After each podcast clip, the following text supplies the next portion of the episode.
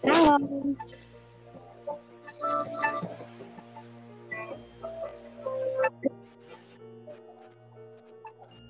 Sinyalnya hilang. Halo.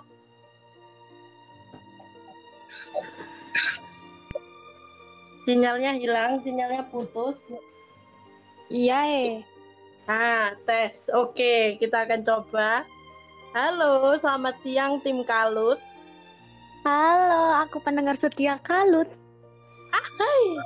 Oke, teman-teman yang terkasih. Hari ini Kalut sudah episode keberapa, Kak? Kalau boleh tahu?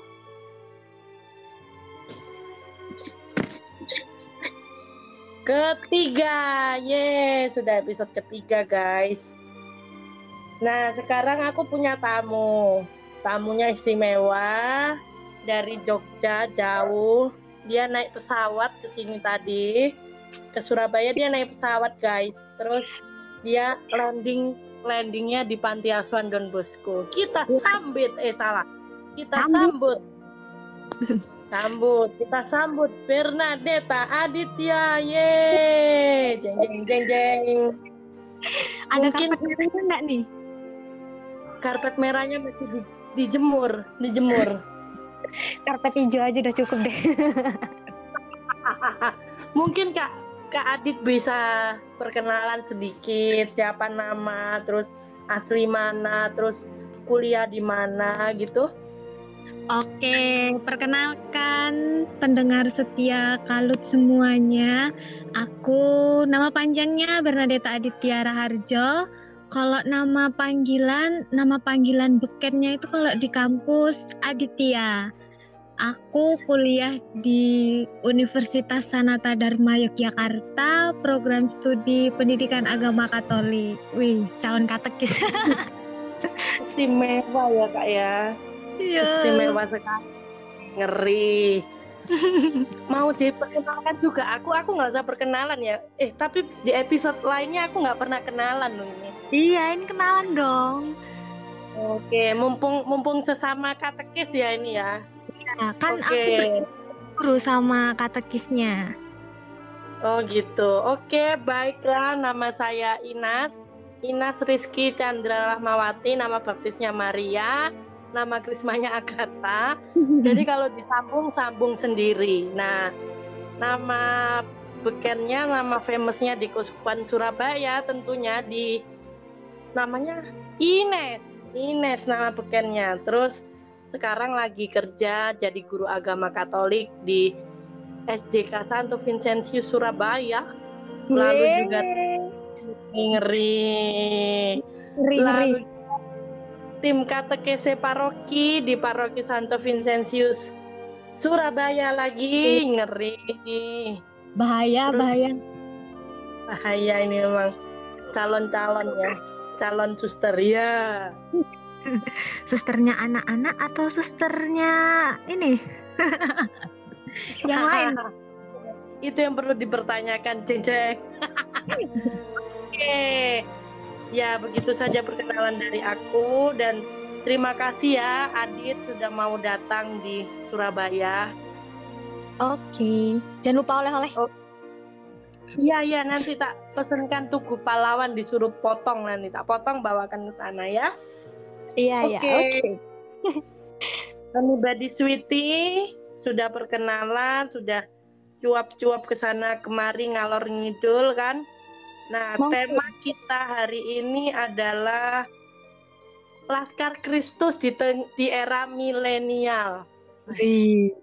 Orang judulnya.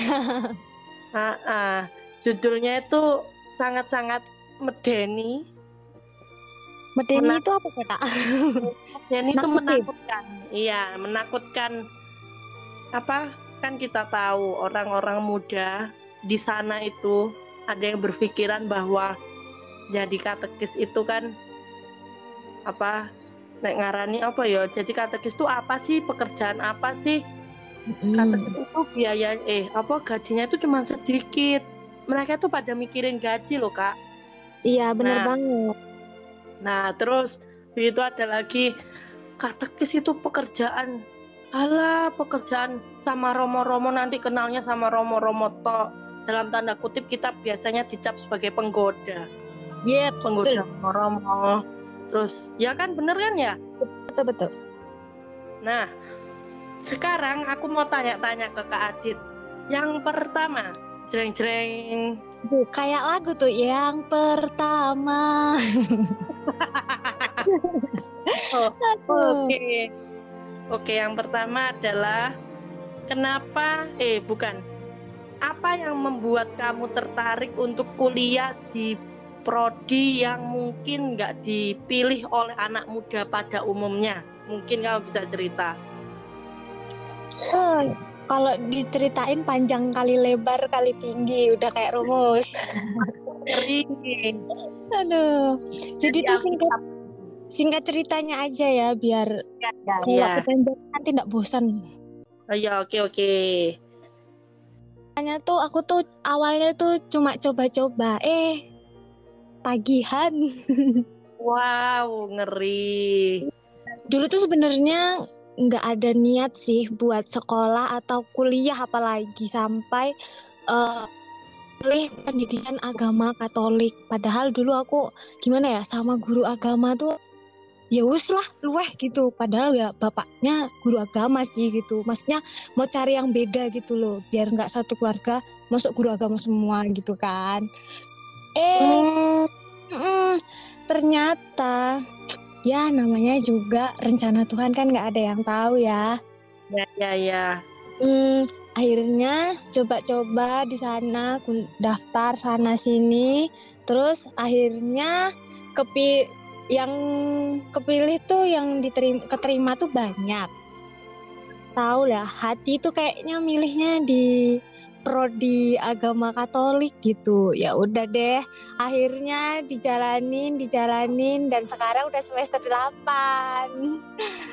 Eh, udah mau udah mau itu ya di ujung tanduk gitu ya. Iya, di ujung tanduk. Hmm, lagi proses Udah mau selesai kelar. sih. Oke. Oke, baik. Gitu. Nanti Oh, kalau mantap sekali. mau panjangnya kayaknya perlu ketemu langsung aja deh.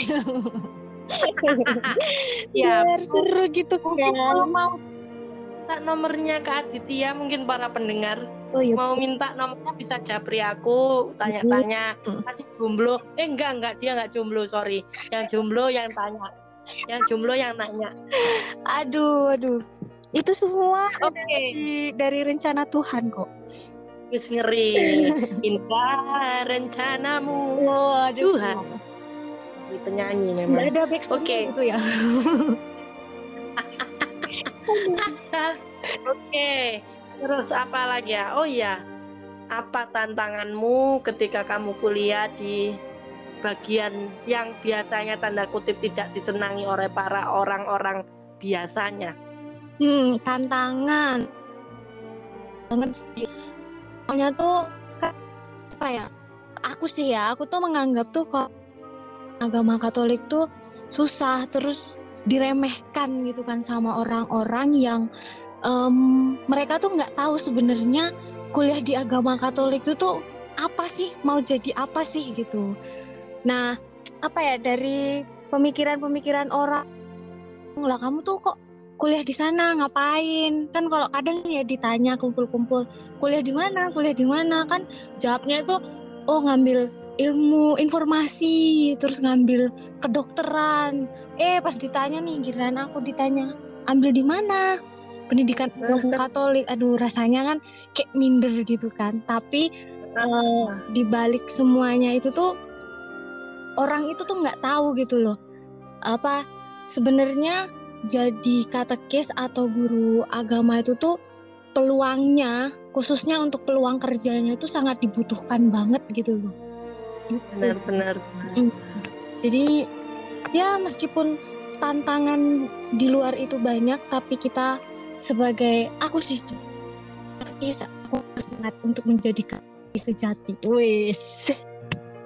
Ngeri berat-berat siang-siang begini ngomongin yang bikin orang panas semakin panas. Oh, oh. Hmm, Oke. suhu badannya tetap steril ya. bahaya. Oke. Jadi teman-teman pendengar kalut kalau kalau apa namanya kalau teman-teman tahu kalau teman-teman apa namanya ngerti gitu kampus kami berdua ini sebenarnya bersahabat Iya. maksudnya bersahabat kita itu satu payung jadi yang pertama adalah Widya Yuwana Madiun terus habis itu Sanata Dharma Jogja yang ketiga itu Dria Karya Jakarta Hmm. Ah ya betul. Terus yang satu di Ruteng, di Ya. Santo Paulus Ruteng. Betul. Jadi sebenarnya kami berdua itu sudah pernah ketemu tapi lupa Ya. kapan lupa Dan akhirnya kita kembali di dalam suatu situasi. di suatu situasi yang tidak pernah kita duga. Wis ngeri berat. Oke. Nah, ini Kak, apa namanya? Kan apa namanya? Kak Adit itu apa? memilih untuk ikut ambil bagian dalam karya pewarnaan ya istilahnya Ya. ya. Istilah istilah keren. Kak Adit sudah mau menjadi pewarta dalam hidup sehari-hari Amin. melalui kuliah di bagian yang biasanya nggak pernah dilirik bahkan diremehkan. Biasanya Kak, tadi kan Kak Adit juga bilang kalau aku pas ditanya orang kuliahku beda sendiri istilahnya kan Mm. gitu. Nah perasaan-perasaan lain nggak kepengen jotos kayak kepengen ngaplok apa kepengen maki lagi apa Aku ketika di aku enggak sih, enggak pengen jotos sih. Soalnya apa ya? Enggak bukan tempatnya untuk jotos-jotosan. Sebenarnya tuh pengen jelasin gitu. Malah kalau bisa pengen ngajakin dia pindah prodi terus ke prodiku gitu. iya bener banget. Biar bisa ngerasain ya. heeh. Ah, benar. Soalnya kan eh, di prodiku sendiri itu khususnya kan karena prodiku sendiri ya kampusnya jauh dari kampus yang lain-lain gitu. Ah, ah, ah. Eh, apa ya? Biar nggak sepi gitu loh kampusnya. Kalau semakin banyak yang minat kan kampusnya juga rame. Jadi nanti eh, gereja pun juga bakalan rame. Jadi kalau katekis-katekisnya masih muda-muda gitu kan, uh, Nah, kan ada kaos-kaos beredar tuh kaos-kaos yang lucu-lucu tulisannya. Katekis mantu idaman. Wis ngeri. Ngeri. kurang abot apa? Ayo teman-teman yang pengen jadi kat- kepengin dapat jodoh jadi katekis. Karena katekis tuh mantu idaman. Wih, nah bener. kurang. Tapi sing ngobrol iki sing aku Ines masih jomblo. Tenang saja, Nah. ada rencana di balik kejombloan itu. Memang. Oke. Tanya apa lagi ya ngobrol siang-siang kayak gini? Hmm, mhm. Nah, misalnya, misalnya Kak Adit ini sudah lulus. Adit ini sudah lulus, terus habis itu Kak Adit itu ditaruh di pedalaman. Sudah siap belum? Siap banget dong, itu tuh harapanku. Wow, ngeri. Kenapa kok menjadi harapanmu? Eh, aku tuh gini, tujuanku dulu eh, setelah aku ikut apa ya, maksudnya menyel- mengikuti mata kuliah-mata kuliah itu ternyata tuh masih banyak eh, tempat-tempat terpencil atau desa-desa terpencil, pulau-pulau terpencil yang satu katekisnya itu masih sangat-sangat memprihatinkan. Nah, dari situlah aku kayak punya niat nih, punya niat nanti kalau udah lulus mau coba cari kerja di tempat yang terpencil gitu. Mungkin ada nih teman-teman pendengar kalutnya nih kalau ada yang mau menawarkan pekerjaan di pelosok gitu. Nah, bagi teman-teman yang mendengarkan kalau butuh katekis silakan hubungi Aditya. Mungkin bisa langsung kontak dia. Ya tadi kalau mau minta WA saja aku atau DM atau ya mungkin sekedar say hello sama aku siapa tahu yang cowok ada cowok-cowok ganteng-ganteng japri aku kan lumayan. Nah, ya itu. Kita harus saling menguntungkan kan ya. Benar, benar sekali. Laskar Kristus di, di era milenial. Hmm. Dari kata-kata ini koyoke menakutkan ya, menakutkan dalam arti kita yang sudah diremehkan, terus dipandang sebelah mata, terus kita lihat juga bahwa bahwa apa namanya era milenial yang zaman now zaman now itu apalagi kita nanti misalnya terjun ke tengah umat gitu ya. Terus ya. dia malah mereka malah nggak mendengarkan. Nah gimana sih? Apa yang akan kamu lakukan ketika kamu nggak akan apa bukan nggak akan didengarkan sih. Maksudnya dianggap remeh. Ketika nanti kamu sudah terjun langsung terus tiba-tiba eranya kan udah era beda toh. Di kampus kita mungkin bisa ya saling tukar pikiran sama romo pendamping sama dosen pendamping kita. Tapi kalau sudah di luar sudah terjun langsung itu mungkin rasanya akan beda. Gimana kamu menanggapi sebagai laskar Kristus di tengah era milenial ini Uh, berat pertanyaannya. Aduh. Yang pertama itu kita harus tahu tempat sama tahu diri. Karena itu penting banget. Jadi itu yang pertama tahu diri dulu ya. Tahu dirinya itu kita harus tahu di mana kita itu saat itu tuh berada. Kalau kita lagi di kalangan anak-anak kecil nih, anak-anak pia atau anak-anak ya anak-anak ini ya masih kecil gitu, kita masih bisa tuh ceria-ceria, menghibur mereka gitu. Terus kalau kita udah di yang seumuran kumpul dengan seumuran nah itu tuh kita harus juga membangun chemistry dengan mereka gimana caranya. Ya curhat lah pasti mereka yang dirasakan mereka juga kita rasakan kan. Nah terus kalau kita pas lagi terjun nih uh, dengan umat yang umurnya lebih tua dari kita dan mereka itu lebih istilahnya lebih profesional nih Nih, aku juga mau sharing pengalamanku nih. Beberapa bulan lalu kan kita APP ya. Ya. Tuh. Nah, aku tuh sempat ditawarin suruh mimpin uh, ini mimpin pertemuan APP dari pertemuan satu sampai selesai. Tapi kan karena corona nggak sampai selesai kan ya. Nah, hmm, bener banget. Terus waktu jadi aku cuma dapet pertemuan satu sama pertem sampai pertemuan tiga itu benar-benar aku shock yang pertama kalinya mm-hmm. waktu pertemuan itu bapak ketua lingkungannya itu bilang nggak apa-apa kok mbak umatnya cuma sedikit nggak sampai sepuluh ternyata pas aku datang aku duduk di tengah tuh di tengah-tengah mereka itu yang datang itu bukan mbah-mbah yang maksudnya aku udah berpikir wah kalau mbah-mbah nih gampang lah ya maksudnya gitu kan. Nggak bakalan banyak repotnya gitu. Ternyata enggak di situ ada dosen terus ada pegawai negeri ada juga yang katekis ada juga ya banyak lah pekerja-pekerja yang tinggi-tinggi lah gitu ibaratnya gitu. nah aku sih di situ harus percaya diri meskipun grogi. Jadi kayak lagu itu loh, pura-pura pura-pura lupa. Oh, ngeri. gitu. Jadi harus percaya diri dulu, terus kita harus pasang muka ya sok bener gitu di depan mereka. Iya. Jadi harus pasang muka percaya diri sok bener terus harus meyakinkan mereka supaya mereka itu uh, yakin gitu loh sama kita ya meskipun kita nggak yakin sih apa yang kita ungkapkan itu tapi kita harus membawa suasana mereka itu agar yakin gitu. Nah dari situ kan mereka kalau nggak yakin akan timbul pertanyaan iya. kan.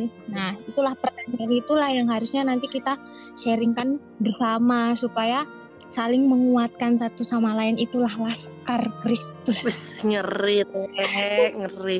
Tadi itu sempat putus. Sinyalnya grogi sama kita sinyalnya mulai panas.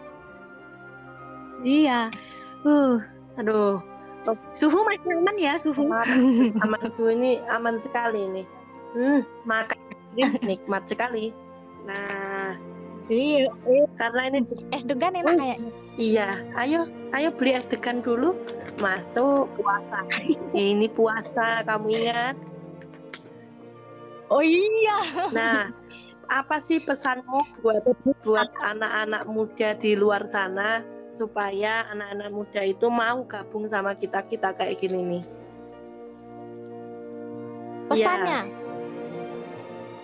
Pesannya itu yang pertama uh, buat teman-teman muda yang di luar sana yang mendengar kalut ini. Yang pertama itu teman-teman harus yakin dulu. Harus yakin sama suara hati teman-teman. Ikuti suara hati teman-teman. Jadi meskipun teman-teman itu kadang di pertengahan jalan agak bimbang mau milih apa, mau milih ini, mau milih itu, pokoknya pilihan pertama atau kata hati apa ya suara hati itu tuh bener pokoknya wis. Soalnya aku kalau ngelawan suara hati itu pasti bakalan bimbang kan. Nah itu makanya udah turutin suara hati dulu itu pasti yang paling penting. Terus yang ke putus kak. Agama Katolik maupun di mana pun itu kampusnya mau di Madiun, di Jakarta, di Malang ya kak ya satunya? Ya oh iya di Malang ya lupa aku. Mm, tuh oh. terus di Jogja juga di pokoknya di mana pun aja deh pokoknya itu kalau mau kuliah di pendidikan agama Katolik itu jangan takut jangan ragu.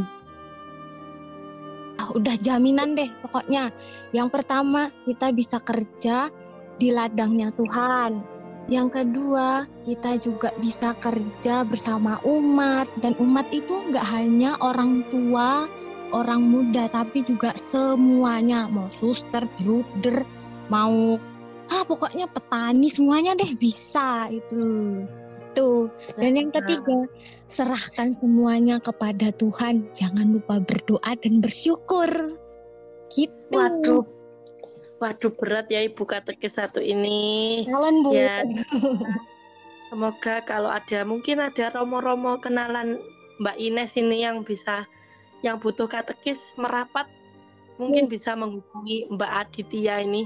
Mbak ya. Aditya lagi skripsi kurang sedikit. Iya kurang. Ya jadi bisa bisa dilamar mungkin dilirik atau WA Nes aku butuh katekis, mbok golek no koncomu ada Aditya siap. Ya Oke, cukup sekian. Terima kasih Aditya sudah menemaniku dalam ngobrol siang hari ini. Sama-sama. Untuk untuk teman-teman yang lain jangan pernah takut menanggapi panggilan. Ya. Tetap setia, jangan takut jadi katekis atau guru agama, jangan malu, jangan meremehkan karena katekis itu laskar Kristus Betul. yang siap diutus, yang siap di diapain ya? Di, ya siap di mana pun, di kapan pun dan di mana pun. Hmm. Wis ngeri. Baik sekian obrolan siang kali ini. Jangan lupa dengerin Kalut di Spotify juga bisa, di Anchor juga bisa. Betul. Mungkin say goodbye. Ini jangan lupa share, uh, terus komen oh, dan jangan lupa, jangan lupa jangan lupa share, komen, like, terus pokoknya bagikan positif-positif ini kepada semua orang yang ada di sisi-sisi ya. kalian. Jangan hmm. Bapak. Oke, okay. terima kasih. Berkah dalam. Berkah dalam.